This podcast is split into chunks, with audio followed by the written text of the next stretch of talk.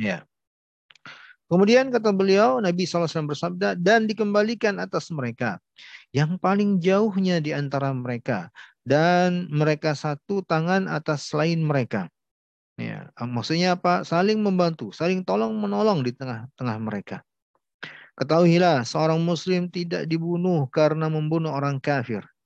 Artinya, ya, ketika terjadi peperangan, terjadi peperangan, di mana kaum muslimin berperang, berperang dengan orang-orang kafir yang memang memerangi Islam dan kaum muslimin, ketika ada di antara kaum muslimin yang membunuh dan memerangi musuh-musuh muslim atau Islam tersebut, maka tidak ada denda baginya. Ya. Tidak ada denda baginya. Ya. Kemudian kata beliau, ya, dan tidak pula karena membunuh orang yang terikat perjanjian dengan kaum muslimin. Ya orang-orang kafir yang terikat perjanjian dengan kaum muslimin. Kafir mu'ahad namanya. Ya. Tayyib. Hadis ini kata beliau diriwayatkan oleh Imam Abu Dawud dan An-Nasai, diriwayatkan pula oleh Imam Ibnu Majah dari sahabat Ibnu Abbas radhiyallahu anhu.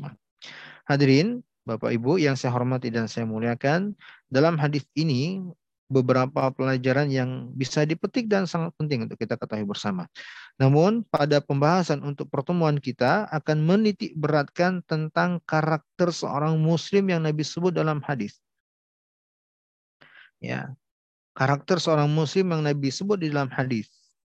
Ya, bahwa seorang muslim itu tidak membedakan satu dengan yang lainnya. Seorang muslim itu juga memperhatikan siapa pun di tengah mereka dari kalangan kaum muslimin, apakah orang rendahan, orang bawahan yang tidak dipandang, pun tetap mereka pandang.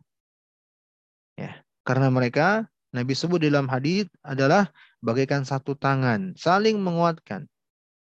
Ya. Hadis ini kata penulis rahimahullahu taala juga seperti yang Allah Subhanahu wa taala sebut di dalam Al-Qur'an di surah Al-Hujurat ayat ke-10 innamal mu'minuna ikhwah. Sesungguhnya orang-orang yang beriman itu mereka adalah bersaudara. Begitu juga sabda Nabi SAW yang lainnya, wa kunu ibadallahi ikhwana. Dan jadilah kalian sebagai hamba-hamba Allah yang bersaudara. Hadirin yang saya hormati dan saya muliakan, inilah titik poin penting yang akan kita bahas untuk tema pertemuan kita kali ini ya untuk menjelaskan bagaimana seorang muslim bagi muslim yang lainnya. Ya. Dan saya tambahkan di sini ada beberapa dalil lain yang saya tambahkan untuk pembahasan ini. Allah Subhanahu wa taala berfirman di surat Al-Hujurat surat ke-49 ayat ke-10 dan tadi telah disebut oleh penulis sebagian dari ayat ini, "Innamal mu'minuna ikhwatun fa aslihu baina akhawaykum wattaqullaha la'allakum turhamun." Sesungguhnya orang-orang yang beriman, kaum mukminin itu adalah bersaudara. Maka ya, perbaikilah hubungan atau damaikanlah hubungan sesama kalian, sama saudara kalian. Dan bertakwalah kalian kepada Allah agar kalian mendapatkan rahmat darinya. Dalam ayat Allah Subhanahu wa taala memberikan sifat bagi kaum mukminin bahwa mereka itu bagaikan saudara. Hadirin, Bapak Ibu yang saya hormati dan saya muliakan, kalau disebut dengan kata saudara, kita mengalami bersama. Yang namanya saudara itu selalu saling menguatkan dan saling membela. Apalagi di luar di luar rumah. Kalau dalam rumah barangkali mereka berantem adik dan kakak. Tapi kalau di rumah pada umumnya yang nama saudara selalu saling bela. Jangan sampai ada yang mengganggu adiknya. Kakaknya pasti akan melindungi. Begitu juga sebaliknya. Ketika kakaknya diganggu, adiknya kalau nggak bisa menolong dia akan nangis. Itulah bukti persaudaraan. Ya, saudara, kakak dan adik dan seterusnya. Demikian juga kaum mukminin. Allah Jalla wa'ala sebutkan ikhwah mereka itu sebenarnya seperti saudara. Ya. Mereka adalah orang-orang yang bersaudara. Ya. Demikian ya Allah Jalla wa'ala sebutkan dan Rasulullah Wasallam juga sebutkan dalam hadisnya. Beliau menjelaskan bahwa agar kita muliakan saudara kita sesama muslim, sesama mu ini sesama mukmin, niscaya Allah akan memuliakan kita. Muliakanlah saudaramu, niscaya Allah akan memuliakanmu. Rasulullah Shallallahu Alaihi Wasallam bersabda, al muslimu akhul muslim, la yadlimuhu wa la yuslimuhu, wa man kana fi hajati akhih kana Allah fi hajati, wa man an muslimin kurbatan farraja Allah anhu kurbatan min kurba min kurbati yaumil kiamah, wa man musliman Allah yaumal kiamah. Dalam hadis ini, Bapak Ibu yang saya hormati dan saya muliakan, terdapat padanya ya, beberapa karakter-karakter yang sangat indah bagi seorang Muslim yang Nabi Shallallahu Alaihi Wasallam tuntunan tuntunkan sebagai pedoman untuk kita. Nabi jadikan sebagai tuntunan untuk kita jadikan sebagai pedoman dalam hidup kita ya dalam konteks persaudaraan sesama kita. Mari kita cermati sabda Nabi. Kata kata Nabi SAW, seorang Muslim itu dengan yang lainnya sesama kaum muslimin itu bersaudara. Tidak boleh saling berbuat zalim.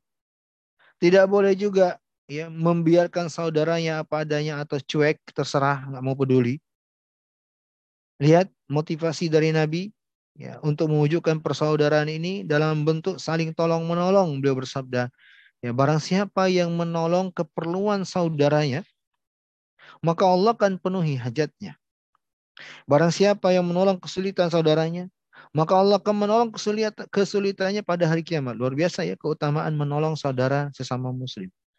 Allah akan tolong kita kelak pada hari kiamat yang di saat itu tidak ada penolong selain Allah Subhanahu wa taala dan di saat itu pula tidak ada kesulitan yang lebih sulit daripada kesulitan-kesulitan yang Allah telah tetapkan untuk kita hadapi pada hari kiamat. Betapa mengerikan betapa mengerikannya saat-saat itu. Tapi ada di antara hamba-hamba Allah yang akan tolong menghadapi berbagai kengerian pada hari kiamat. Siapa mereka? yaitu orang-orang yang ketika di dunia suka membantu saudaranya, suka menolong saudaranya. Ya. Dan barang siapa yang menutupi aib saudaranya, maka Allah akan menutup aibnya pada hari kiamat. Ini juga keutamaan yang sungguh-sungguh sungguh sangat luar biasa. Kenapa? Karena pada hari kiamat kalau kita dibukakan catatan-catatan dosa, aib dan kesalahan kita, maka habislah kita. Sebab adab dan siksaan telah menanti. Neraka dengan apinya menyala-nyala siap melahap kita karena dosa dan catatan keburukan yang begitu banyak. Tapi Allah Subhanahu wa taala dengan keutamaan dan rahmatnya ada di antara kita yang Allah tutup catatan-catatan dosa tersebut. Allah tutup kesalahan-kesalahan tersebut. Kok bisa? Siapakah mereka yang dapat keutamaan ini? Nabi sebut dalam hadis. Ketika mereka di ketika mereka di dunia semasa hidupnya suka menutup aib saudaranya. Tidak suka mengubar aib saudaranya. Ya.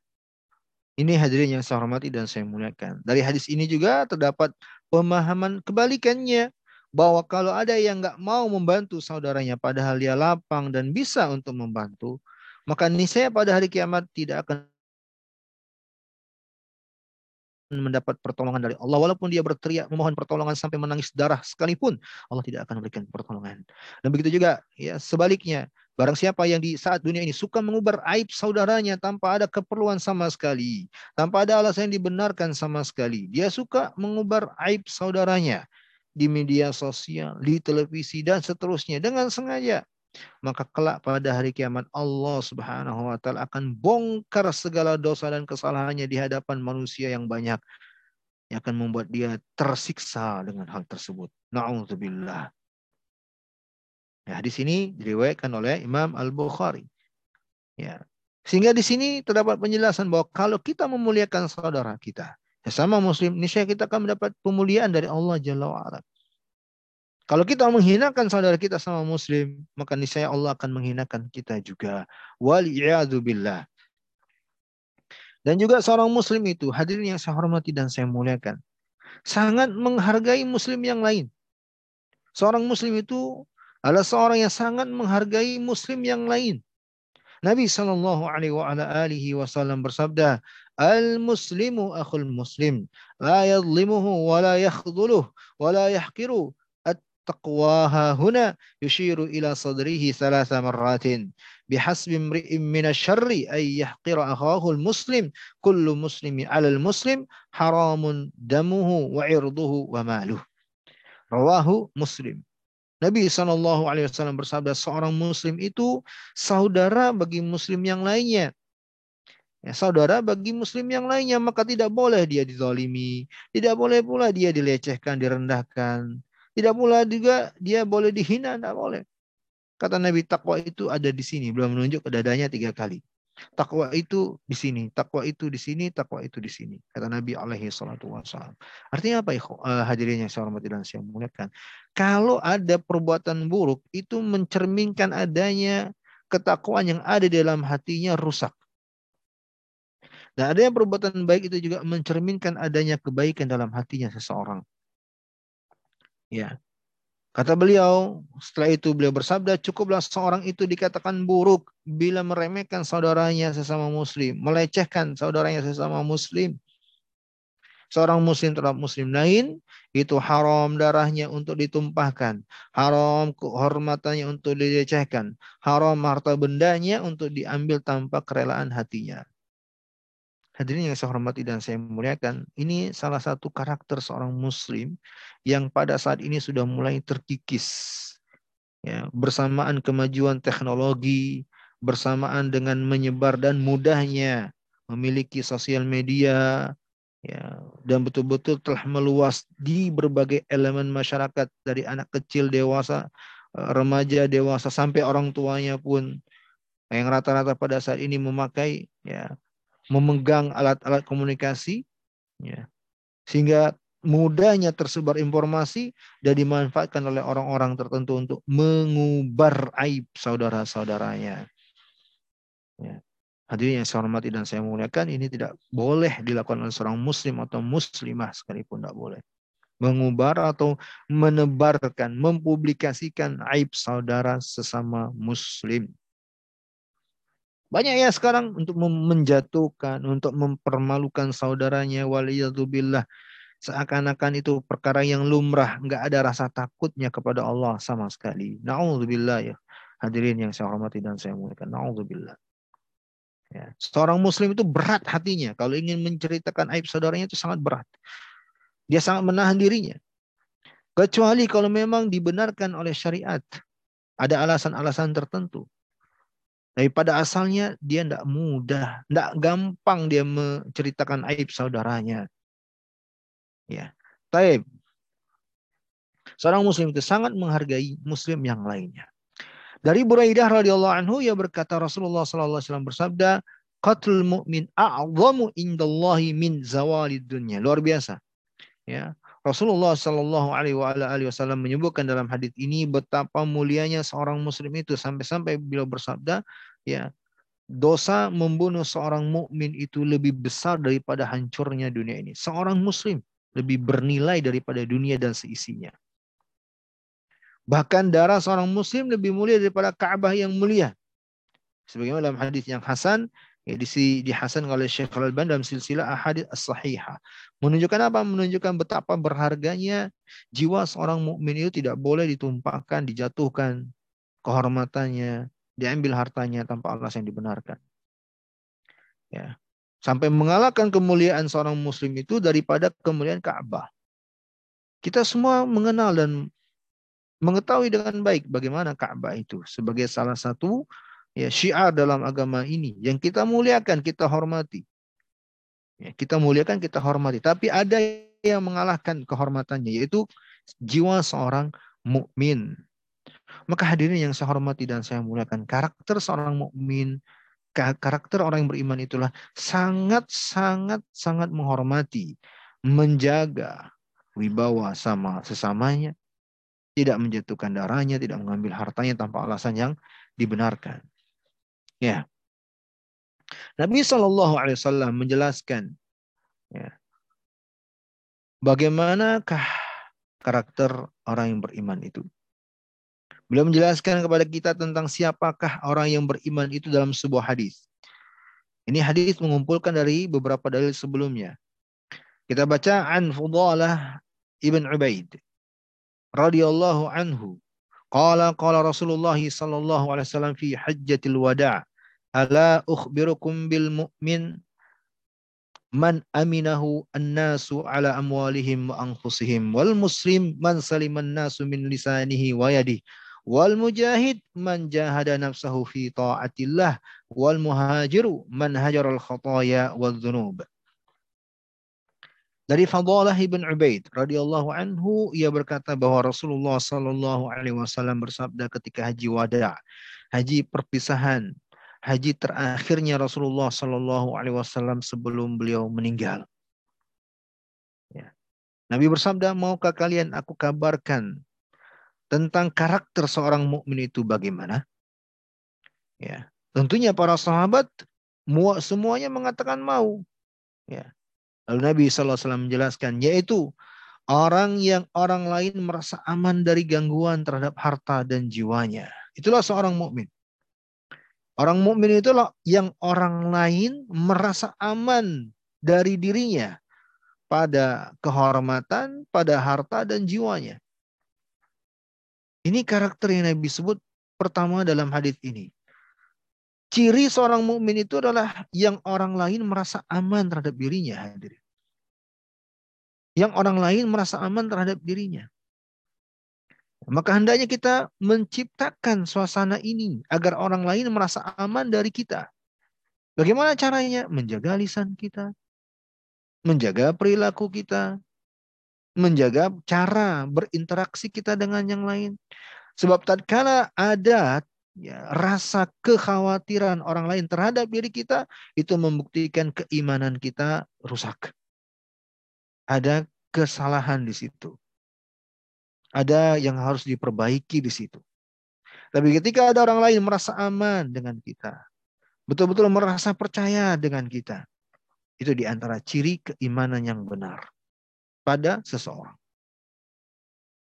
Kemudian seorang muslim, kata Nabi SAW, yang orang lain merasa selamat dari gangguan lisan dan tangannya.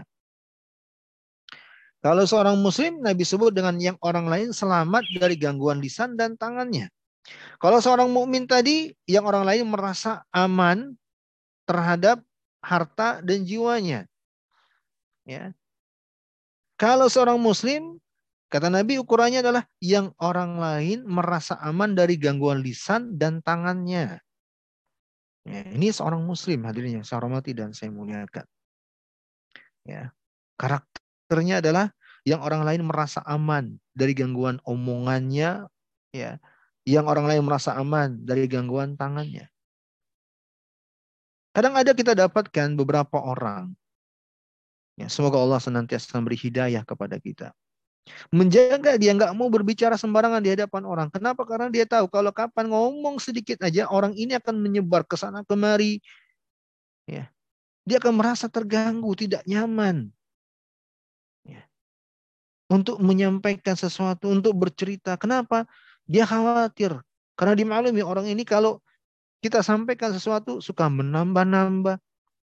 Ya. Suka menyakitkan lagi dengan pemberitaannya ini membuktikan keislaman seseorang rusak hadirin yang saya hormati saya ingatkan. Kemudian Nabi bersabda dan mujahid adalah orang yang bersungguh-sungguh dalam ketaatan kepada Allah. Nah, ini istilah mujahid, hadirin yang saya hormati dan saya muliakan. Nabi sendiri mentafsirkan mujahid adalah orang-orang adalah orang yang jahada nafsahu fi taatillah. Orang yang menundukkan dirinya berperang melawan dirinya untuk taat kepada Allah. Itulah mujahid. Nah, definisi yang Nabi terangkan dalam hadis ini adalah definisi pada asalnya secara umum dari kata mujahid. Sehingga tidak benar kalau ada di antara kita memahami kata mujahid dengan pemahaman yang sempit yaitu orang yang mengangkat senjata berperang di medan tempur melawan musuh. Tidak. Mujahid bukan hanya itu. Bukan hanya sebatas mereka yang berperang di medan jihad, baru dikatakan mujahid. Berjihad, mengangkat senjata, berperang melawan musuh. Itu mujahid. Tidak. Itu makna salah satunya. Dan bukan hanya itu, luas makna mujahid itu. Yang pertama kalinya, sebagaimana tadi telah saya sampaikan, makna yang paling mendasar yang Nabi definisikan dalam hadis ini, yaitu orang yang berperang melawan dirinya terlebih dahulu untuk taat kepada Allah Subhanahu wa taala. Dan kalau sudah berhasil dia memerangi dirinya, hawa nafsunya, maka akan terwujudlah jihad-jihad yang lain. Tidak akan bisa terwujud dengan baik jihad-jihad yang lain. Dengan penuh keikhlasan, dengan penuh ketulusan. Kalau dia nggak bisa melawan dirinya sendiri untuk ikhlas, untuk tulus. Makanya definisi Nabi dalam hadis ini adalah definisi yang paling mendasarnya. Ya. Ini dulu yang harus kita pahami dan baik dengan baik. Jadi kalau ada sedikit-sedikit jihad itu adalah yang mengangkat senjata, Ya, jihad itu adalah yang berperang melawan musuh di luar sana. Ya. Hanya itu saja di, di kamusnya kata jihad, maka itu adalah pemahaman yang sangat sempit, keliru, salah besar. Ya. Kita katakan memang benar salah satu makna jihad berperang di medan tempur, mengangkat senjata melawan musuh. Benar itu salah satunya. Ya. Kemudian kata Nabi SAW hadis wal muhajir dan orang yang berhijrah itu adalah orang yang meninggalkan kesalahan-kesalahan dan dosa. Orang yang berhijrah itulah orang-orang yang meninggalkan kesalahan-kesalahan dan dosa menuju kebaikan. Ini juga makna hijrah. Hadirin yang saya hormati dan saya muliakan. Sebagai makna kata hijrah yang paling mendasarnya. Yang paling mendasarnya sebelum makna-makna hijrah yang lainnya.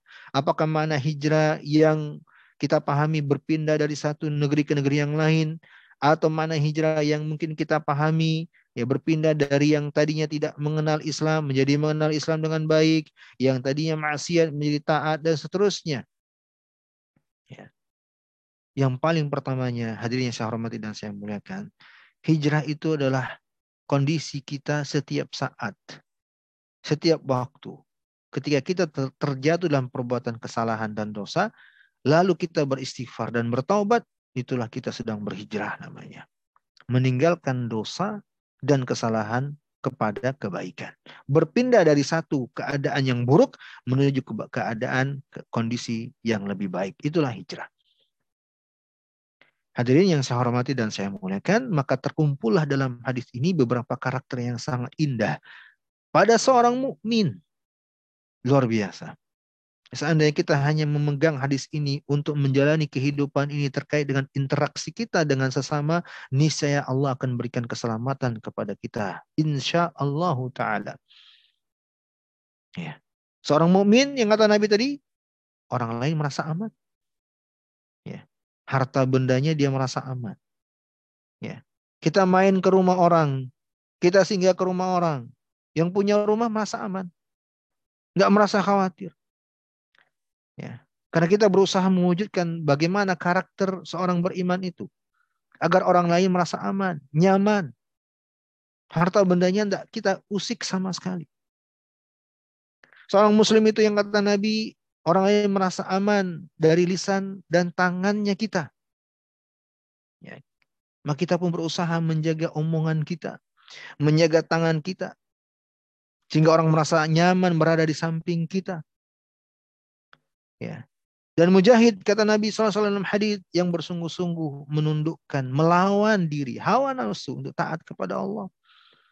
Dan muhajir orang-orang yang senantiasa berpindah dari keadaan yang buruk menuju keadaan yang baik. Kalau begini, karakter seorang mukmin hadirin yang saya hormati dan saya muliakan, masyarakat kita luar biasa ya, dalam kebaikan. Karena itulah besarnya hal ini dijadikan sebagai wasiat oleh Ibnu Umar radhiyallahu anhu. Ya, dijadikan wasiat oleh Ibnu Umar radhiyallahu anhu. Mengingat pentingnya hal ini, beliau jadikan wasiat. Tidaklah sesuatu itu dijadikan sebagai wasiat oleh seseorang melainkan karena orang tersebut menganggap hal itu sangat penting sekali.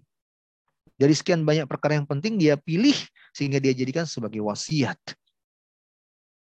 Itu makna wasiat amrun muakkadun muhimmun atau amrun muhimmun muakkadun.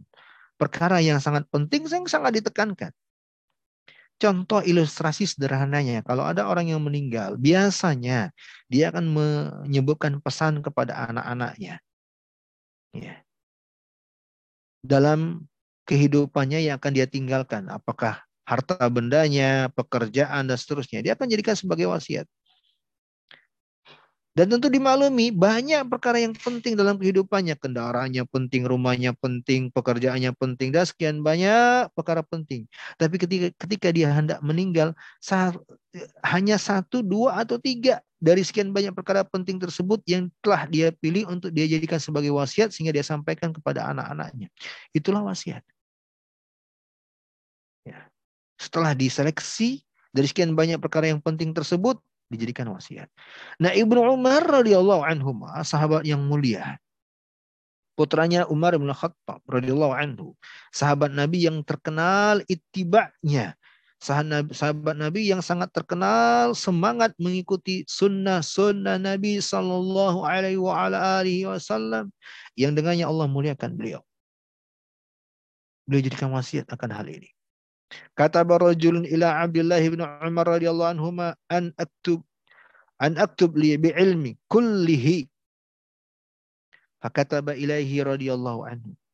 Innal ilma kathirun ولكن إن استطعت أن تلقى الله يوم القيامة خفيف الظهر من دماء المسلم خميس البطن من أموالهم كاف اللسان عن أعراضهم laziman li jama'atihim faf'al.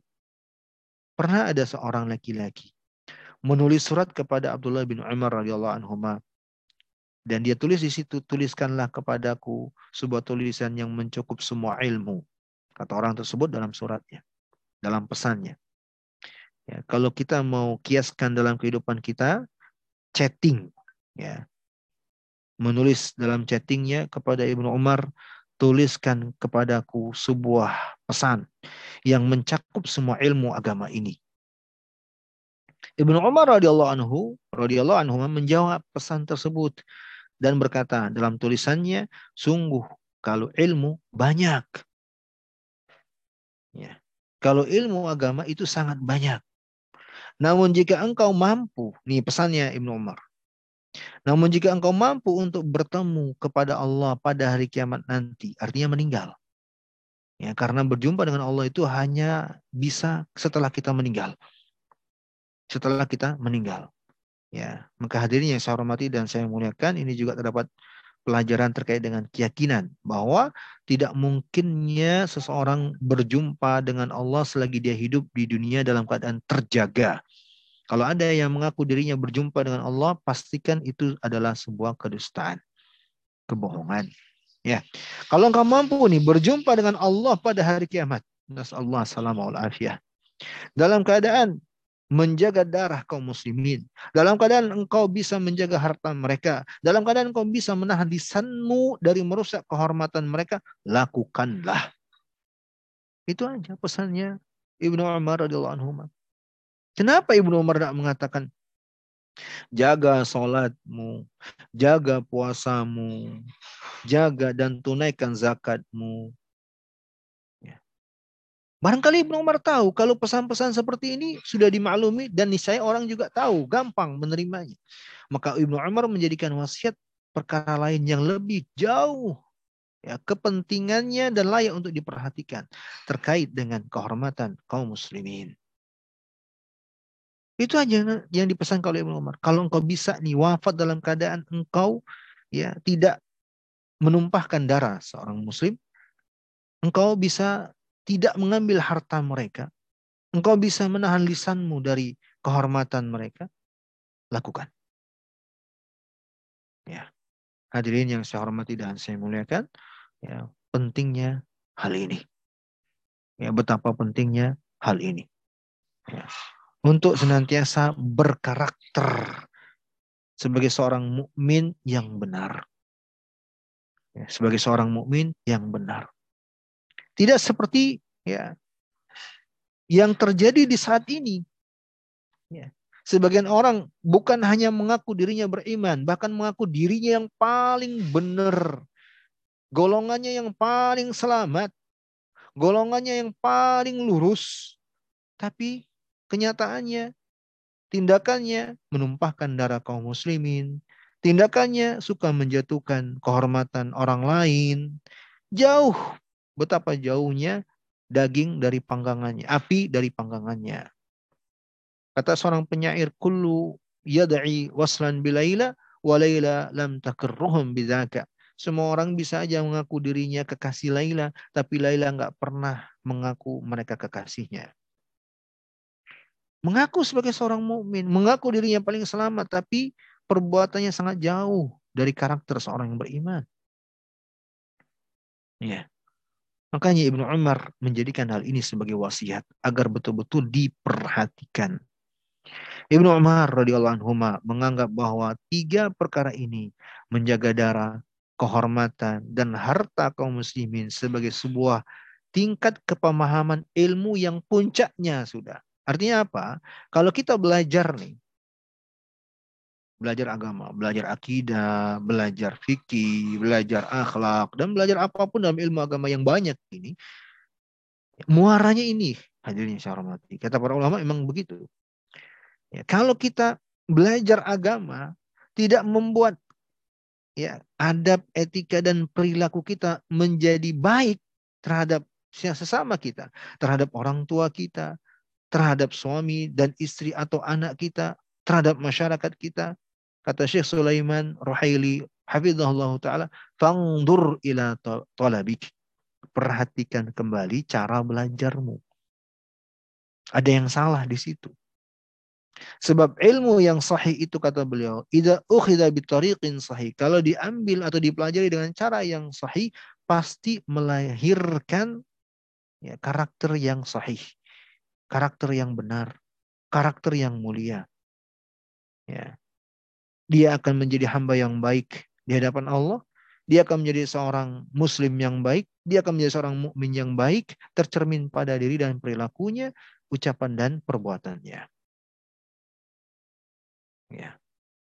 Maka hadirin yang saya hormati dan saya muliakan, Ibnu Umar menjawab ya permintaan dari pertanyaan orang akan tuliskan ilmu, beliau jawab hanya dengan tiga ini. Sebab inilah muara pembelajaran kita terhadap agama ini. Kalau belajar ilmu agama tidak melahirkan karakter yang indah, maka belajarnya belum dianggap berhasil. Belajar, katanya belajar. Hadir di majelis taklim, hadir di majelis taklim. Tapi terhadap orang tuanya masih songong kalau kata kita. Perilakunya masih jauh sekali dari keindahan maka belajarnya belum dianggap berhasil. Belum. Ya. Barang siapa yang diberi taufik untuk memahami hal ini, sungguh ia telah memperoleh kebaikan yang besar. Maka wajib hendaknya kita semua memperhatikan perkara yang agung ini dan kita juga dan kita jaga tiga hal tersebut dengan penjagaan yang sungguh-sungguh dan hendaknya kita takut untuk bertemu dengan Allah pada hari kiamat nanti. Dalam keadaan jiwa kita terkotori oleh perbuatan melanggar, menumpahkan darah seorang muslim atau kehormatannya, atau harta benda miliknya. Karena perkara ini sungguh tidaklah ringan. Ya, ini tambahan dari saya, hadirin yang saya hormati dan saya muliakan, dan kita kembali ke kitab Bahja Kulubil Abror. Ya, kata penulis, menjadi keharusan kaum mukminin untuk saling mencintai, ya bersatu padu tidak saling membenci dan tidak pula saling bermusuhan. Semua berupaya merealisasikan maslahat mereka secara umum yang merupakan pilar agama dan dunia mereka. Saling bantu membahu, saling bantu membantu, saling bahu membahu untuk mewujudkan kemaslahatan dunia dan akhirat mereka. Ya. Oleh karena itu tadi diawali oleh penulis ya rahimahullahu taala penyebutan hadis bahwa muslim dengan muslim yang lainnya dalam permasalahan ini sama, tidak membedakan antara yang kaya dengan yang miskinnya, tidak membedakan antara pemerintah dengan rakyatnya, tidak membedakan antara yang bernasab mulia dengan rendahannya. Tidak ada kasta dalam Islam. Tidak ada. Pedagang yang kaki lima dengan dia yang ada di kantor yang tinggi menjulang ke langit, dia yang bersepeda dengan dia yang bermersi, tidak ada bedanya. Tidak ada bedanya. Ya. Tapi tidak ternyata pada kenyataannya kita diuji oleh Allah Subhanahu wa taala ya dengan keadaan yang kadang bertentangan dengan prinsip ini. Hadirin yang saya hormati dan saya muliakan. Nabi kita Nabi besar Nabi Muhammad SAW itu untuk mencerminkan karakter ini, beliau pernah naik keledai. Naik keledai. Kemudian membonceng Ibnu Abbas lagi. Kalau dulu kendaraan itu hanya tiga. Kalau nggak onta, kuda, keledai. Ya. Keledai ini adalah kategori kendaraan yang paling rendah. Kelas atau level kendaraan yang rendah masyarakat biasa di masa itu. Kalau kuda, ini tergantung kudanya. Ya, ada kuda yang mewah, ada kuda yang biasa. Kalau onta rata-rata dimiliki oleh orang kaya. Kalau dijadikan sebagai kendaraan di saat itu itulah rata-rata dimiliki oleh orang-orang kaya. Nabi, Nabi kita, Nabi besar, yang paling dicintai oleh Allah dari seluruh makhluk. Yang seandainya Allah Subhanahu wa taala menghendaki beliau mulia, ya dengan kemuliaan yang tidak ada tandingannya niscaya akan terwujud. Yang seandainya Nabi berdoa kepada Allah, Allah akan kabulkan. Seorang Nabi memimpin para Nabi dan Rasul yang surga telah dibuka setelah beliau pernah naik keledai. Membonceng lagi Ibnu Abbas radhiyallahu anhu. Kata para ulama, beliau tunjukkan bahwa dalam konteks ya sesama muslim jangan membedakan. Beliau ingin jelaskan hal tersebut. Sama saja. Ya, tawaduknya beliau untuk menjelaskan hal tersebut. Maka hadirin yang saya hormati dan saya muliakan, kita yang telah dimudahkan oleh Allah untuk memiliki harta benda. Kita yang telah diuji oleh Allah untuk memiliki jabatan, pangkat di tengah manusia, di tengah masyarakat. Jangan salah dalam mengemban amanah tersebut.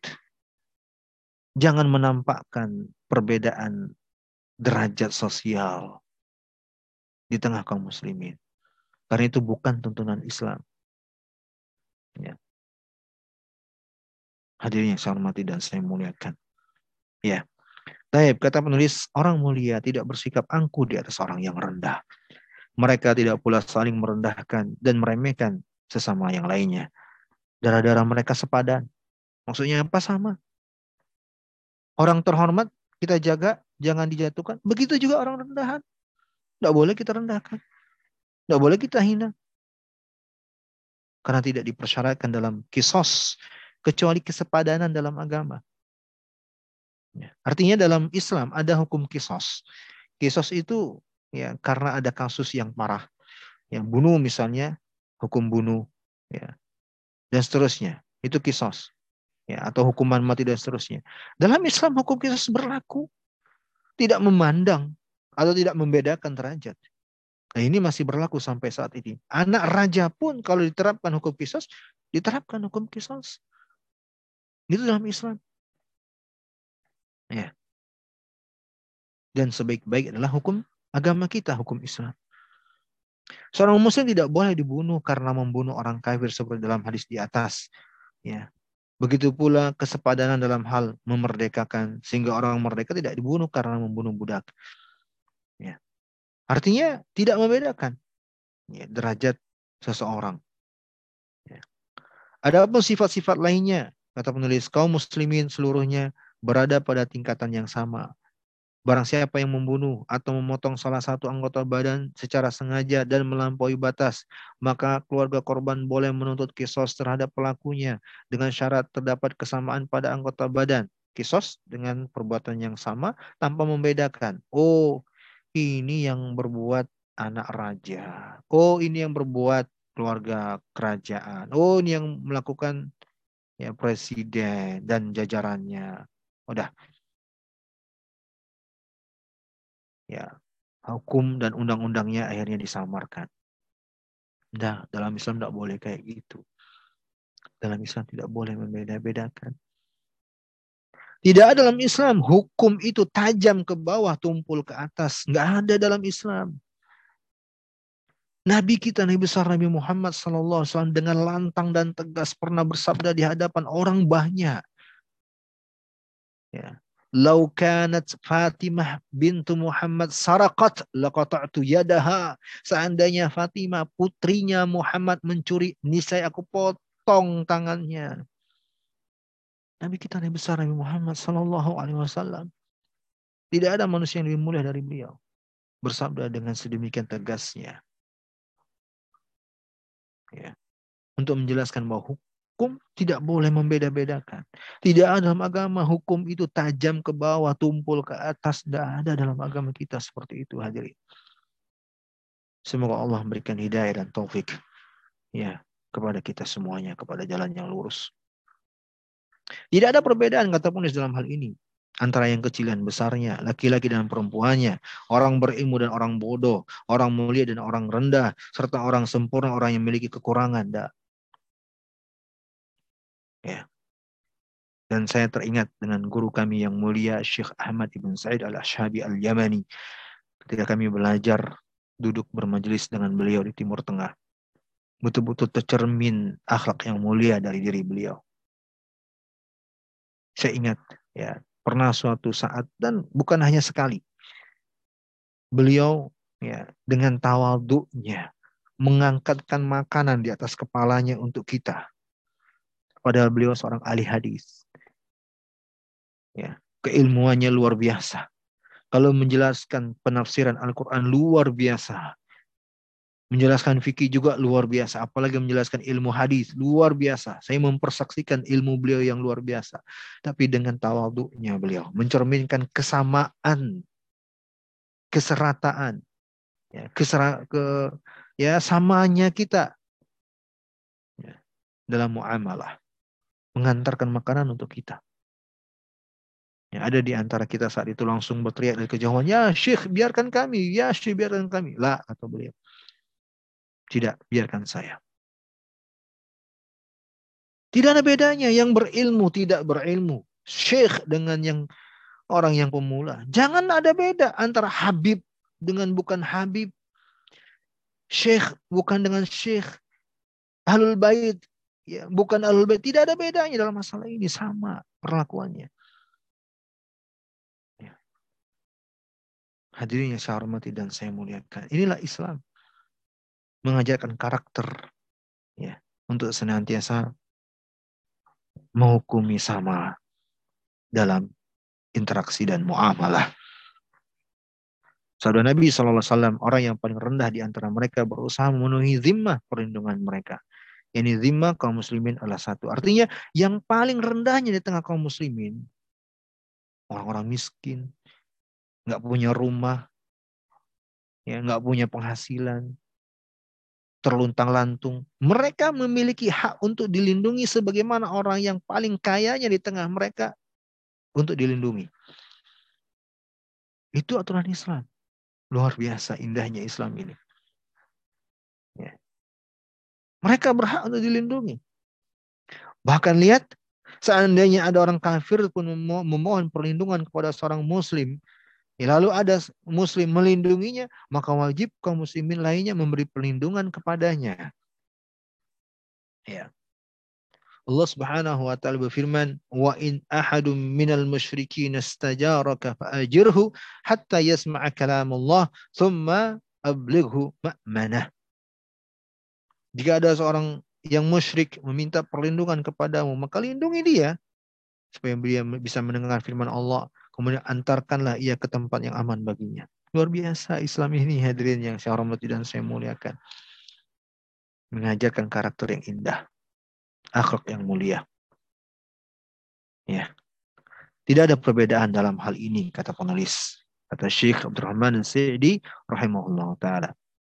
Antara perlindungan orang mulia, pemimpin, dengan perlindungan orang per orang di tengah kaum muslimin.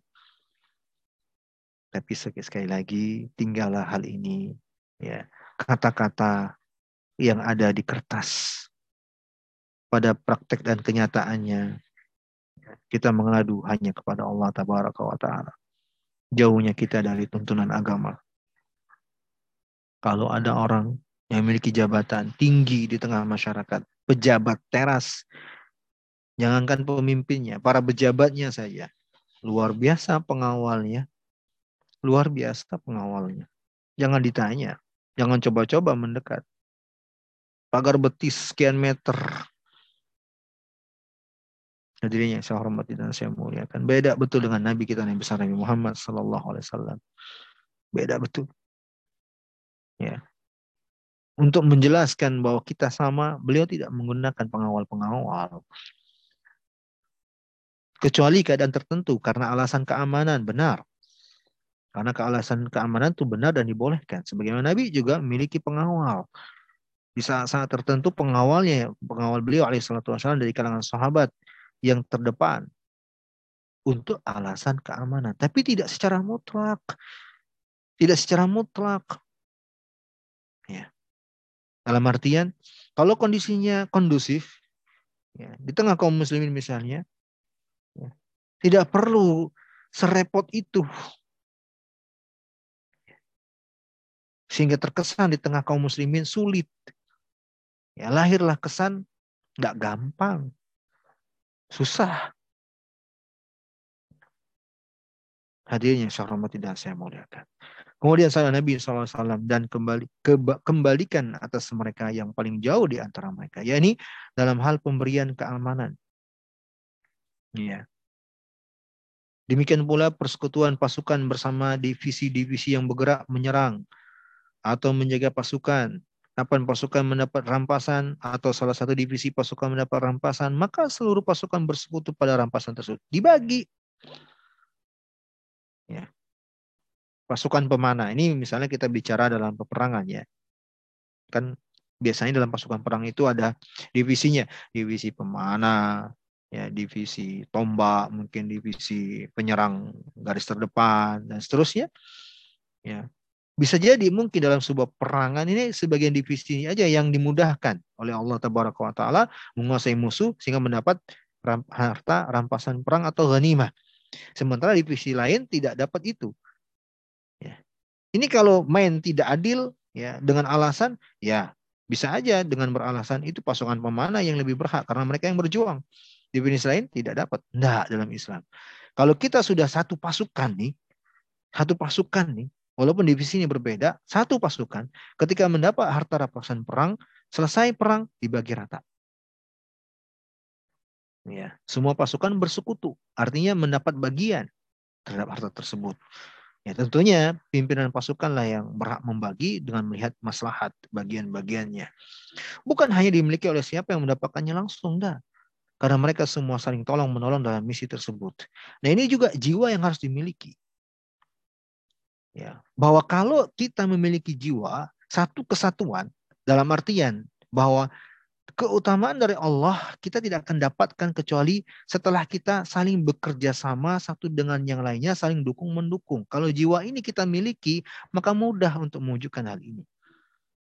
Tidak sebagian seperti sebagian orang yang memiliki jiwa sempit dengan mengatakan bahwa kalau tidak karena kami tidak akan terwujud. Kalau bukan karena kami nggak akan terwujud. Jiwa yang seperti inilah akhirnya mempersempit dan menyulitkan untuk adanya ya keadilan yang terwujud di situ. Ini bisa kita aplikasikan dalam kehidupan kita sehari-hari dalam sebuah perusahaan misalnya.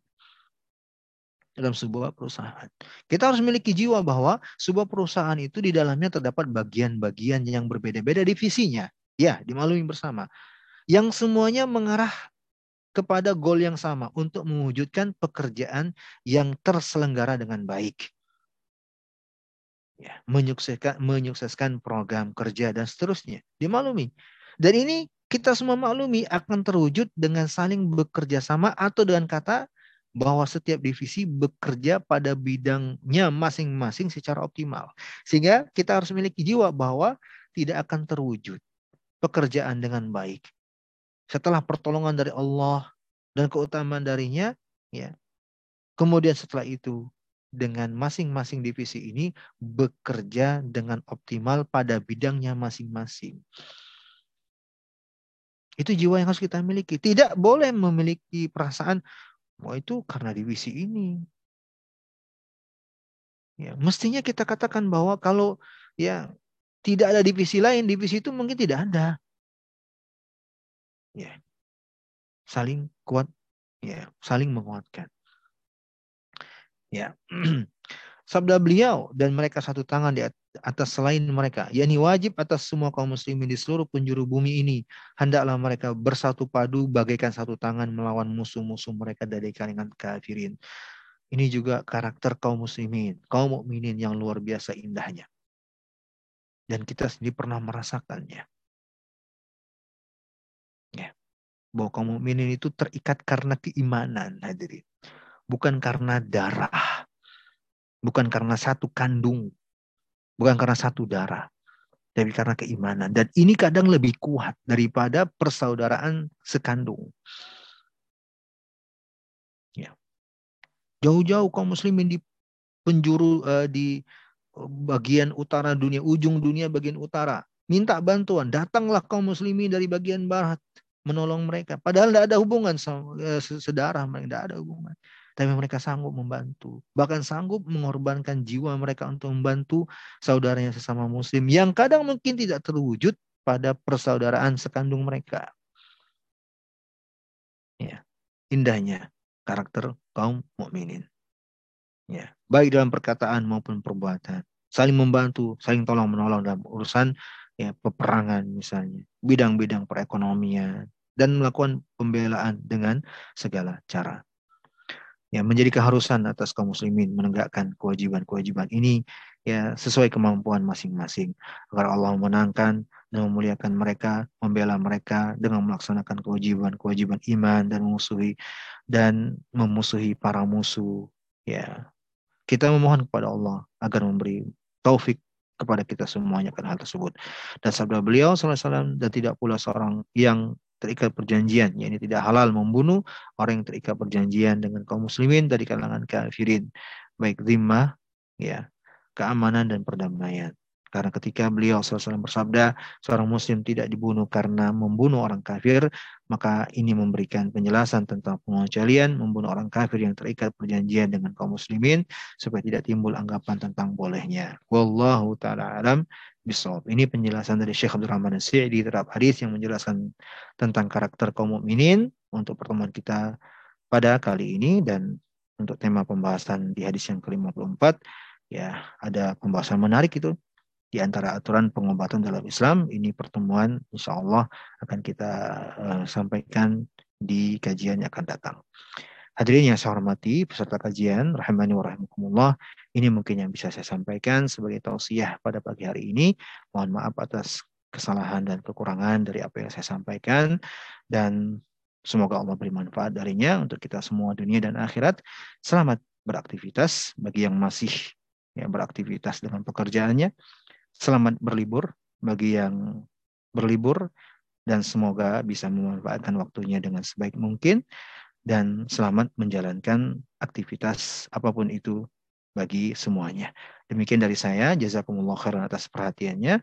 Bilahi taufiq wal hidayah. Wassalamualaikum warahmatullahi wabarakatuh. Silakan uh, kepada hostnya.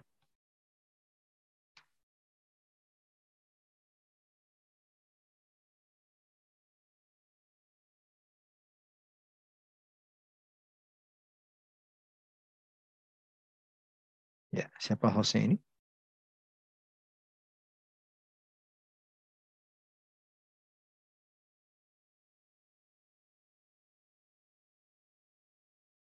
Tes tes. Pak Surahman atau yang lainnya? Ya, maaf. Jazakallah Ustaz uh, atas tausiahnya.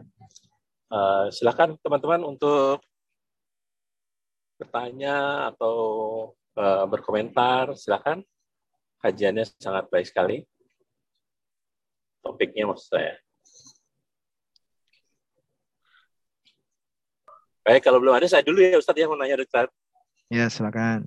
Pak. Ya, jadi Ustadz gini, uh, ya kalau buat kami yang masih belajar ini Ustadz, belajar untuk memperdalam agama, karena basis kami kan bukan dari apa namanya dari apa dari dari sekolah agama lah bukan dari seperti itu ya. Nah ini kami itu kadang-kadang bingung. Saya terutama bukan kami ya. Saya suka bingung dengan uh, mencari kajian-kajian yang benar, gitu kan. Nah kadang-kala ada teman saya pengen dengerin Ustadz ini, Ustadz ini segala macam. Eh jangan itu bukan bukan sunnah itu segala macam. Nah saya bingung nih, bagaimana caranya buat kami yang masih awam ini untuk mencari kajian yang tepat, jangan sampai kami mendapatkan kajian yang tidak tepat dan segala macam. Dan itu nanti uh, bagaimana sih uh, yang uh, apa namanya uh, patokan-patokannya lah yang untuk mencari guru yang benar gitu kayak. Itu aja ya. Ustaz. Ya. Baik, bismillah, alhamdulillah, wassalatu wassalamu ala rasulillah wa ala alihi wa ashabihi wa man wala. Kita berpindah ke sesi tanya jawab ya, dan di sini pertanyaan pertama dari Bapak Dr. Surahman. Hafidahullah, semoga Allah senantiasa memberikan kebaikan kepada beliau. Pertanyaan yang sangat menarik untuk kita semua ketahui. Yang paling pertama untuk kita camkan dengan baik. Ya, bahwa dalam masalah agama wajib bagi kita untuk selektif. Dalam masalah agama wajib bagi kita untuk selektif untuk menjadikan sebagai sumber apakah guru atau bacaan. Wajib bagi kita untuk selektif. Ada upaya untuk meneliti ini layak atau tidak untuk dijadikan sebagai guru, ini layak atau tidak untuk saya jadikan sebagai referensi. Apakah media elektronik atau buku-buku bacaan. Wajib bagi kita untuk ada upaya selektif. Kenapa poin pertama ini saya sampaikan? Karena hadirin yang saya hormati dan saya muliakan, sudah menjadi sunnatullah. Allah Jalla wa'ala menguji kita, memberi cobaan kepada kita dalam hal ini. Ya, untuk melihat sejauh mana kejujuran kita menapaki jalan yang lurus. Itu tujuannya ya untuk melihat sejauh apa usaha kita ya berupaya untuk berjalan di atas jalan yang lurus. Allah tabaraka wa taala menjadikan ada di antara kaum muslimin memang orang-orang yang ingin merusak kaum muslimin. Itu sudah ada sejak dahulu. Ya. Dan Allah berfirman di Al-Qur'an, "Wa ja'alna likulli nabiyyin aduwan syayatinal insi wal jin yuhi ba'duhum ala ba'din ya zukhrafal qawli gurura. Kami telah jadikan musuh bagi setiap para nabi. Ya, dari kalangan syaitan, dari jin dan manusia. Syaitan dari jin dan manusia. Berarti ada syaitan dari manusia. Yang menjadi musuh bagi para nabi. Untuk merusak ya dakwahnya para nabi dan rasul. Mereka saling ya memberikan satu dengan yang lainnya ya bisikan-bisikan dengan kalimat-kalimat yang indah. Nah, ini dia nih. Ya, sisi pendalilan dalam ayat ini ketika Allah sebut zukhrufal qauli ghurur. Mereka itu senjatanya atau caranya adalah dengan kalimat-kalimat yang indah. Ya. Kalimat-kalimat yang indah. Ya. Rayuan-rayuan. Bujukan-bujukan. Eh, inilah yang membuat harusnya kita selektif.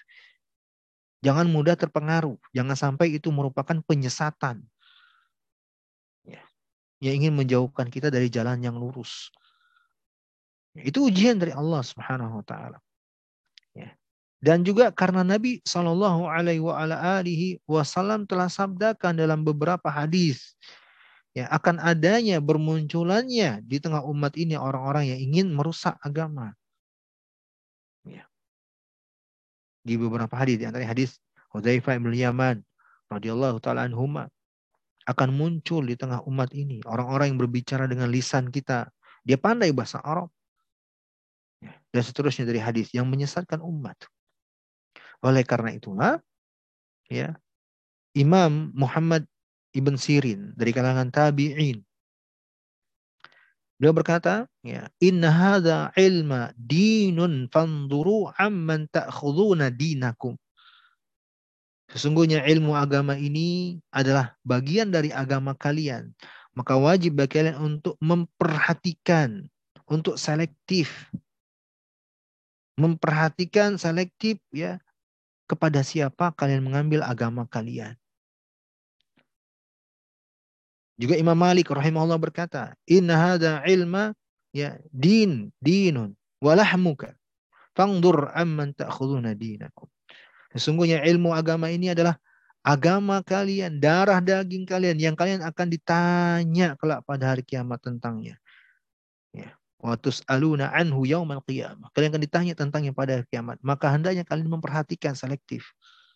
Maka ini keterangan keterangan yang membuat kita harus selektif untuk memperhatikan siapa guru yang saya uh, akan jadikan sebagai guru, ya buku atau uh, bacaan elektronik yang akan jadikan saya uh, yang akan saya jadikan sebagai referensi harus selektif. Ya. Nggak bisa tidak, harus selektif. Nah sekarang pertanyaannya, saya awam Ustadz, apa yang bisa yang saya jadikan yang bisa saya jadikan sebagai tolak ukur ini benar tidaknya ya kalau kita masih pemula belum bisa memiliki eh, barometer nih untuk mengatakan ini benar atau tidak ya maka ketahuilah ya secara umum secara umum jadikanlah barometer bahwa benar atau tidaknya sebuah kajian ilmu itu ketika penuh dengan dalil dari Al-Quran atau hadis Nabi. Itu barometer secara umum. Ketika sebuah pengkajian, sebuah kajian agama, sebuah pembahasan agama, syarat dengan dalil dari Al-Quran atau hadis Nabi. Itu di antara ciri umumnya. Ada ayatnya, ada hadisnya, Kemudian ada keterangan dari para ulama. Itu secara umum ya, saya katakan secara umum untuk kita pemula. Ya. Itu secara umum. Ya. Ketika senantiasa ya merujuk kepada Al-Qur'an, ketika senantiasa sebuah pembahasan merujuk kepada hadis-hadis Nabi, ya, kemudian setelah itu ditambahkan merujuk kepada ucapan-ucapan sahabat radhiyallahu anhum ajma'in. Itu di antara indikasi itu benar insya Allah. Saya katakan ya indikasi secara umum. Benar itu insya Allah. Kenapa? Itu ya terlihat adanya usaha dalam kajian tersebut atau dalam sebuah pembahasan tersebut adanya upaya untuk merujuk kepada sumber yang benar. Yaitu Al-Quran, hadis Nabi, dan penjelasan para sahabat. Ya. Ini aja jadikan sebagai tolak ukur. Ya. Tentunya bisa dibandingkan ada kajian atau sebuah pembahasan ya sangat sedikit atau bahkan mungkin tidak ada ayat-ayat Al-Qur'annya, tidak ada hadis-hadis nabinya, tidak ada juga ya diambil dari sahabat-sahabat Nabi Shallallahu alaihi wasallam. Hanya ucapan ulama-ulama belakangan, ulama-ulama belakangan yang seperti ini hadirin sangat berpotensi sangat berpotensi adanya kritikan. Ya. Adanya kritikan. Maka kita tidak menganjurkan ya untuk menjadikan rujukan yang sifatnya seperti itu. Kalau ada nih sebuah kajian pembahasan, rujukannya paling finalnya adalah ulama misalnya, syekh begitu ya. Itu aja. Ya, kita tidak menyalahkan serta merta juga tidak. Ketika ini yang menjadi rujukan finalnya, maka pihak lain bisa jadi mengatakan itu kan ulama kalian. Kami juga punya ulama. Tapi kalau rujukannya Al-Quran, hadis Nabi SAW, atau ucapan para sahabat radhiyallahu anhum ajma'in, semua kaum muslimin harusnya memang merujuknya ke sana. Itulah rujukan yang terbenar. Makanya Nabi SAW bersabda dalam khutbatul hajjah beliau, wa khairul huda huda Nabi uh, wa khairul hadithi kalamullah wa khairul huda huda Nabi Muhammadin SAW. Nabi sendiri bersabda dengan kalimat ini, sebaik-baik ucapan adalah kalamullah dan sebaik-baik petunjuk adalah yang datang dari Rasulullah Shallallahu Alaihi Wasallam. Maka itu saja, ya. Dan kita tidak subjektif ya dalam hal ini. Kita tidak mengatakan bahwa si fulan yang benar ikuti Sunda. Semua berpotensi ya padanya ada kebenaran dan semua berpotensi pada dirinya ada kesalahan. Maka kita menjawab secara objektif. Kita tidak menjawab secara subjektif. Jadi silakan aja bapak-bapak, ibu-ibu yang saya hormati dan saya muliakan, Pak Surahman, ya mencari ya kebenaran ya dari sumber-sumber dengan tolak ukur yang tadi telah kita sampaikan secara umum. Wallahu taala alam bisawab mudah-mudahan bisa dipahami. Jazakallah Ustaz. Uh, silakan yang lain barangkali ada yang ingin menyambung pertanyaan atau berikan komentar. Silakan. Atau menulis di chat. Assalamualaikum. Waalaikumsalam. Silakan. Bu Tisna, ya silakan. Jadi penjelasannya termasuk juga nyambung dengan tadi penjelasan. Mungkin pertanyaannya kan uh, orang memilih itu kepada dan lemah lembut kepada sesama. Nah mungkin itu batasannya bagaimana gitu. Ya silakan Pak Ustadz langsung. Ya. Ini pertanyaan uh, sangat erat hubungannya dengan tema pembahasan kita ya yang telah kita ya. bahas. Di mana tadi telah kita sampaikan Nabi Shallallahu Alaihi Wasallam menjelaskan siapakah seorang mukmin itu. Seorang mukmin itu kata Nabi adalah yang orang lain merasa aman. Makanya mukmin itu sebenarnya uh, ke, ke, dari kata iman. Ya, dan iman itu juga dalam bahasa Arab ada hubungannya dengan kata amanah. Amanah dan juga itu uh, ada hubungan dari kata aman. Makanya definisinya turunan dari definisi kata mukmin adalah orang yang orang lain merasa aman dari dirinya. Ya.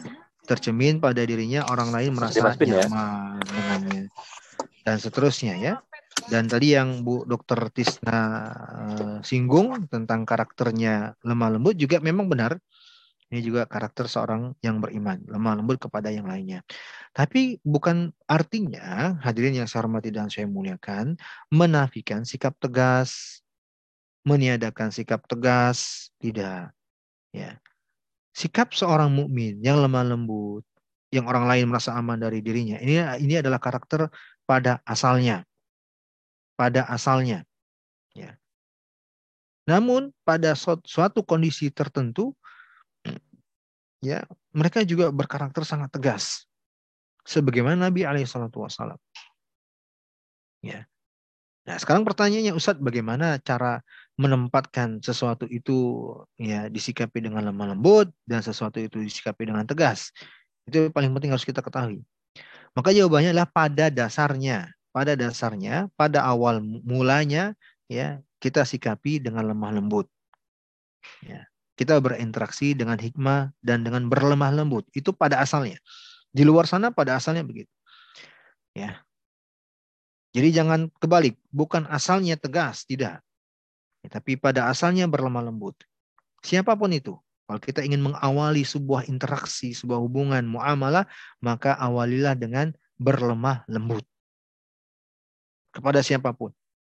Tanpa terkecuali. Ya, itu pada awalnya, pada asalnya. Setelah jelas keadaan, oh ternyata orang ini kayaknya yang layak disikapi dengan tegas, barulah bersikap dengan tegas.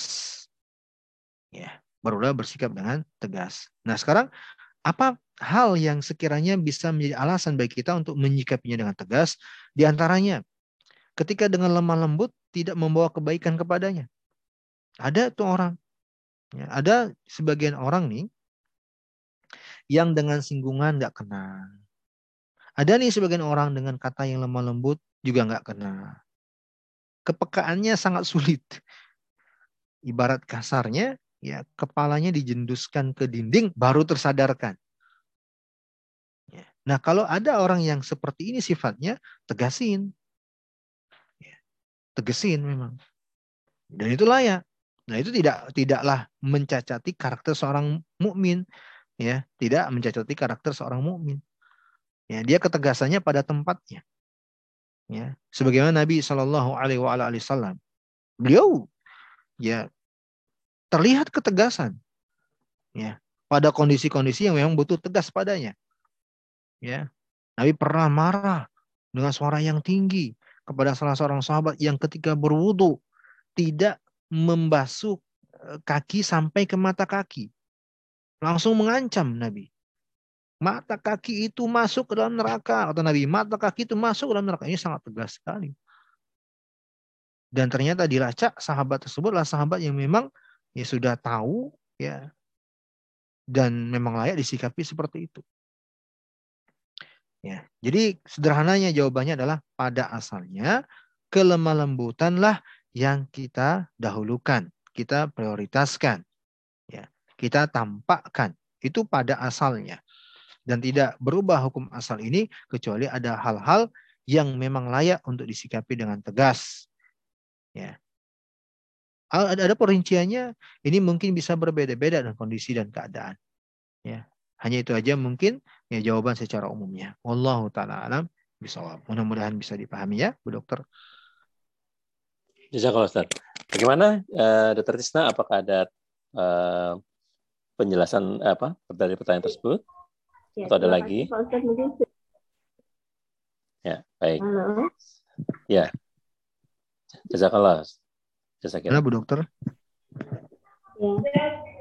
Uh, sedikit mungkin Pak Ustadz seperti misalnya kita kan dalam per, ya Tisna maaf suaranya terputus-putus Tisna. Uh, kalau kita ketemu bukan muslim berpeluk-pelukan itu apa termasuk? Putus suaranya saya nggak dengar Pak Dokter. Putus suaranya. Suara Bu Tisna putus, saya nggak dengar.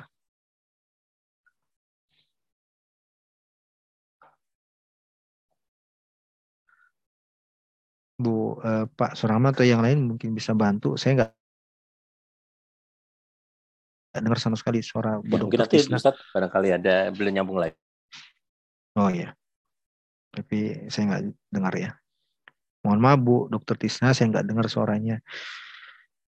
Putus. Ya, mungkin pindah ke lain dulu kita uh, pindah ke yang lain kalau mungkin ada yang ingin bertanya masalah dari yang kita bahas atau yang lainnya. Oke, maaf suara saya apa udah kedengaran lagi Ustaz? Suara Pak Dr. Surahman jelas, terdengar jelas sekali. Ah, baik. Hmm. Pak Ustadz ini ada sedikit uh, apa namanya bukan pertanyaan sih, mungkin ada sedikit ganjalan lah mungkin ya.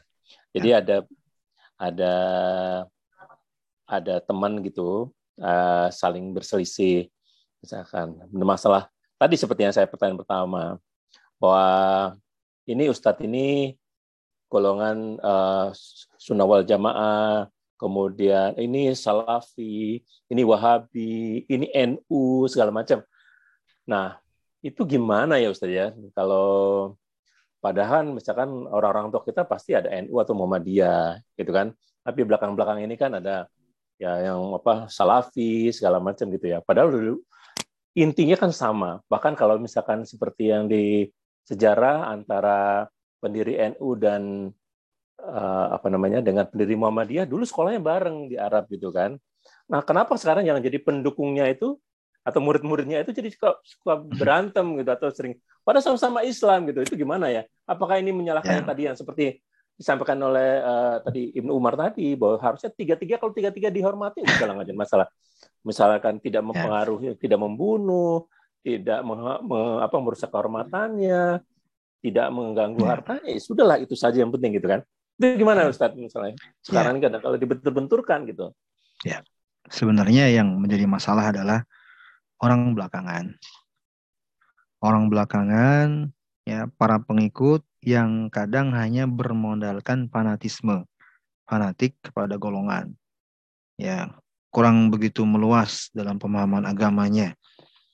Mereka lah ini yang berpotensi menimbulkan masalah di tengah kaum muslimin. Kalau kita memiliki wawasan yang agak luas dan mengerti ya yang terjadi ini apa, saya yakin insya Allah tidak akan terjadi keributan. Ya, itu tadi seperti yang Pak Surahman telah sampaikan mereka para ulama yang kita ikuti itu ternyata mereka aman-aman saja, enjoy-enjoy saja, walaupun berbeda pendapat di beberapa, di beberapa masalah, mereka tetap bersatu, mereka tetap saling menghargai, mereka tetap saling menghormati, saling berpelukan, saling mendoakan. Contoh yang nyata saja nih, ya empat mazhab. Ini lebih lebih jauh lebih dahulu ya dari yang terjadi di negeri kita ada NU, ada Muhammadiyah dan seterusnya. Ini jauh lebih lebih lama lagi, lebih dahulu lagi dan lebih besar lagi kan. Ya karena permasalahannya seluruh dunia bukan skup bukan hanya skup uh, suatu negara kalau NU Muhammadiyah kan hanya skup Indonesia aja. Kalau empat mazhab kan skupnya internasional. Ya. Ada mazhab Hanafiyah, ada mazhab Malikiyah, ada mazhab Syafi'iyah, ada mazhab Hanabila. Kalau kita telah sejarah, Imam mazhab sendiri, Imam Abu Hanifah untuk mazhab Hanafiyah, ya, Imam Malik untuk mazhab Malikiyah, Imam Syafi'i untuk mazhab Syafi'iyah, Imam Ahmad untuk mazhab Hanabi, Hana, uh, Hambali, ini ternyata lah empat orang yang sangat akrab satu dengan yang lainnya. Imam Abu Hanifah itu gurunya Imam Malik. Imam Malik itu sangat menghormati Imam Abu Hanifah. Sangat menghormati Imam Abu Hanifah. Pernah nih Imam Abu Hanifah datang ke majelisnya Imam Malik. Imam Malik kan eh, beliau masyurnya kan di Madinah. Makanya beliau digelari dengan Imam Darul eh, Darul Hijrah. Ya, beliau punya majelis di Masjid Nabawi dan seterusnya. Terkenalnya beliau di situ. Pernah Imam Abu Hanifah menunaikan umroh. Ya mau nggak mau kan ke Masjid Nabawi dalam rangkaian uh, ibadah umroh atau hajinya. Nah di saat itu Imam Malik sedang bermajelis. Ya, karena Imam Malik menghadap ke jamaah, sementara jamaah menghadap kepada Imam Malik, ya maka orang-orang nggak tahu nih ada Imam Abu Hanifah yang hadir di tengah mereka kecuali Imam Malik. Kalau orang-orang yang di majelis fokusnya ke Imam Malik, nah Imam Malik kan menghadap ke yang datang. Ya, Imam Malik terdiam sejenak. Dan Imam Malik menunjukkan ya penghormatan kepada Imam Abu Hanifah yang langsung sholat dua rakaat tahiyatul masjid. Karena Imam Abu Hanifah dalam rangkaian ibadah manasik umroh atau hajinya, ya wajar aja beliau nggak duduk di majelis itu. Ya beliau lanjutkan ya ibadahnya. Setelah pergi Imam Abu Hanifah, untuk menghormati Imam Abu Hanifah, Imam Malik memberi komentar. Setelah beliau pergi meninggalkan majelis karena hanya uh, sholat dua rakaat tahiyatul masjid lalu pergi Imam Abu Hanifah kata Imam Malik, tahukah kalian siapa yang barusan sholat dua rakaat kemudian berlalu? Beliau adalah imam yang seandainya berkata ini dan itu niscaya kita semua akan mengikuti ucapan beliau. Kata Imam Malik. Ya, menunjukkan pemuliaan dari Imam Malik kepada Imam Abu Hanifah. Begitu juga Imam Syafi'i terhadap Imam Malik. Ya, urutan setelahnya Imam Syafi'i. Kepada Imam Malik, uh, luar biasa. Imam Syafi'i itu selalu mendoakan rahmat kepada Imam Malik. Ya. Karena Imam Malik ini termasuk murid ya sejak kecil belajar kepada Imam Syafi'i eh, eh, kebalik. Imam Syafi'i ini termasuk murid yang dari kecil belajar kepada Imam Malik rahimahullah taala. Sangat berkesan. Dan jangan ditanya tentang Imam Ahmad nih, imam yang keempat. Kepada Imam Syafi'i. Sampai-sampai putranya Imam Ahmad, yakni Abdullah, heran kepada Imam Ahmad. Kok senantiasa mendoakan Imam Syafi'i? Senantiasa tidak pernah meluputkan menyebut Imam Syafi'i dalam doanya, kata Abdullah kepada sang ayah. Kenapa ayah? Ya. Menunjukkan pemuliaan Imam Ahmad kepada Imam Syafi'i rahimahullah. Ini empat mazhab. Imam empat mazhab yang telah terpecah ya dalam mazhab. Ya, kan adanya empat mazhab, eh, mazhab Hanafiyah, mazhab Malikiyah, mazhab Syafi'iyah, mazhab Hambali membuktikan mereka berpecah nih secara pemahaman dalam agama terkait dengan ilmu fikih. Ya, itu mereka ternyata berbeda pendapat dengan perbedaan yang sangat tajam. Sebab kalau tidak terjadi perbedaan, nih saya kan tidak akan mungkin lahir empat mazhab yang berbeda nggak akan lahir perbedaan mazhab. Tapi ketika terjadi perbedaan pendapat yang sangat-sangat kuat, terjadilah perbedaan mazhab. Tapi pada kenyataannya mereka bertaharum, saling menghormati, saling menghargai, saling memuliakan, saling mendoakan. Tidak berpecah belah, tidak bermusuhan mereka. Ya. Yang terjadi orang pengikutnya nih, yang fanatik. Kalau empat imam itu enggak ada kepanatikan di, di tengah mereka. Begitu juga tadi yang seperti yang disampaikan uh, Pak Surahman. Saya yakin juga seperti itu insya Allah pendiri NU, pendiri Muhammadiyah, orang-orang yang saling bertaharum, berkasih sayang di antara mereka. Ya, maka seandainya kalau kita memang jujur mengikuti ulama-ulama kita, ikuti juga karakternya mereka. Orang-orang yang mengerti agama, yang telah mencerminkan bagaimana seorang mukmin dengan mukmin yang lainnya. Ya, maka kalau saya sendiri, saya sendiri berusaha untuk mengikuti mereka. Saya tidak mau mengambil pusing Pak Surahman. Di luar sana ada yang mengangkat ya dengan julukan-julukan ini dan itu. Saya nggak mengambil pusing itu. Untuk apa? Kalau kita ya mengikuti hal tersebut, ya larut dengan hal itu, nggak ada bedanya dengan mereka. Memang ada di tengah masyarakat ya, di tengah kaum muslimin yang ya membuat, gaduh, ya, membuat gaduh, meramaikan permasalahan, meributkan masalah dengan memberi gelar ini dan itu, Wahabiyah, Kasalafiyah. Itu penamaan-penamaan aja sebenarnya. Tidak usah kita menyibukkan diri dengan penamaan-penamaan tersebut. Penamaan-penamaan tersebut. Ya, kita sibukkan saja dengan belajar, dengan beramal, dengan beribadah, beribadah kepada Allah Taala. Sudah, tidak usah sibukkan dengan itu. Sebab jangan sampai itu merupakan jebakan atau jerat-jerat syaitan ya untuk memecah belah kaum muslimin. Ya untuk memecah belah kaum muslimin. Akhirnya lemahlah kekuatan mereka. Gontok, gontokanlah mereka. Atau sampai ekstrimnya saling bunuhlah sesama mereka. Naudzubillah. Coba kita saling menghargai aja. Kalau perbedaan yang terjadi adalah perbedaan di tengah kaum muslimin pada permasalahan fiqhiyah, amal ibadah, yang memang pada dasarnya ada dalil-dalilnya, yang berpotensi memang terjadi perbedaan pendapat. Biarkan saja. Kecuali kalau perbedaan yang menyangkut prinsipil yang harus memang diluruskan. Dan itu pun kita harus berlapang dada. Sebab kita semua berpotensi melakukan kesalahan yang perlu diluruskan, saling bantu-membantu, saling ingat mengingatkan. Kalau kita pemahamannya seperti ini, damai kita. Ya.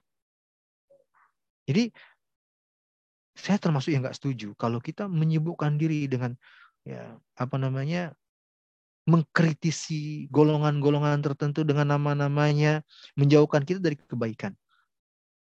Kecuali kalau golongan-golongan yang memang harus kita ingatkan kaum muslimin darinya, pada golongan-golongan yang keluar dari tuntunan Islam pada dasarnya. Misalnya Syiah Rafidah misalnya. Ya, Khawarij misalnya. Ini akan saya selalu ingatkan. Seperti saya sendiri dalam majelis ya. ya Alhamdulillah dan saya memohon taufik dan petunjuk dari Allah dengan menyebut nama-namanya yang indah dan sifat-sifatnya yang mulia untuk menyembuhkan diri saya dan kaum muslimin kepada perkara-perkara yang jelas-jelas bermanfaat untuk kita. Ya, menyebutkan menghabiskan waktu kita, perhatian kita kepada perkara-perkara yang bermanfaat dunia dan akhirat kita. Ya, agar kita menyebutkan diri dengan ibadah kepada Allah. Ya, menyebutkan diri dengan bekal-bekal dari ilmu agar ibadah kita benar. Adapun hal-hal yang bisa ya berpotensi ya menyibukkan kita dari hal-hal tersebut kita hindarkan. Ya. Jadi seperti itu. Jangan sampai kita terpengaruh dan itu termasuk ya jerat-jerat syaitan untuk merusak barisan kaum muslimin. Ya, untuk merusak barisan kaum muslimin. Ya, begitu dari saya wallahu taala mohon maaf Pak Surahman mungkin eh, jawaban saya seperti itu mudah-mudahan bisa dipahami. Sangat uh, jelas Ustaz. Jazakallah. Baik, karena ini sudah waktu nih Ustaz ya. Sudah ya, 30. Sudah. Jazakallah Ustaz atas tausiasnya hari ini. Insya Allah menambah uh, hasanah pengetahuan kita dan insya Allah memperbaiki apa uh, kualitas kita semua. Baik. Kemudian terima uh, jazakumullah khairun juga buat teman-teman uh, sekalian yang telah uh, hadir ya di tengah kesibukannya untuk sama-sama kita belajar uh, untuk mendalami pegangan kita ya dinul Islam insya Allah kita semua mendapatkan taufik dan hidayah dari Allah Subhanahu wa taala mencari yang terbaik untuk kita semua. Baik, kita tutup uh, kajian kita ini dengan doa penutup majelis. Subhanakallahumma bihamdika asyhadu an la ilaha anta astaghfiruka wa atubu ilaik. Bila taufiq wal hidayah. Wassalamualaikum warahmatullahi wabarakatuh. Waalaikumsalam. Assalamualaikum warahmatullahi wabarakatuh. Ya, Oke, okay. teman-teman sekalian, jazakumullah. Mohon maaf ya tadi habis lari-lari jadi terlambat. terlambat. Baik, assalamualaikum. Oh, atas ini aja lah.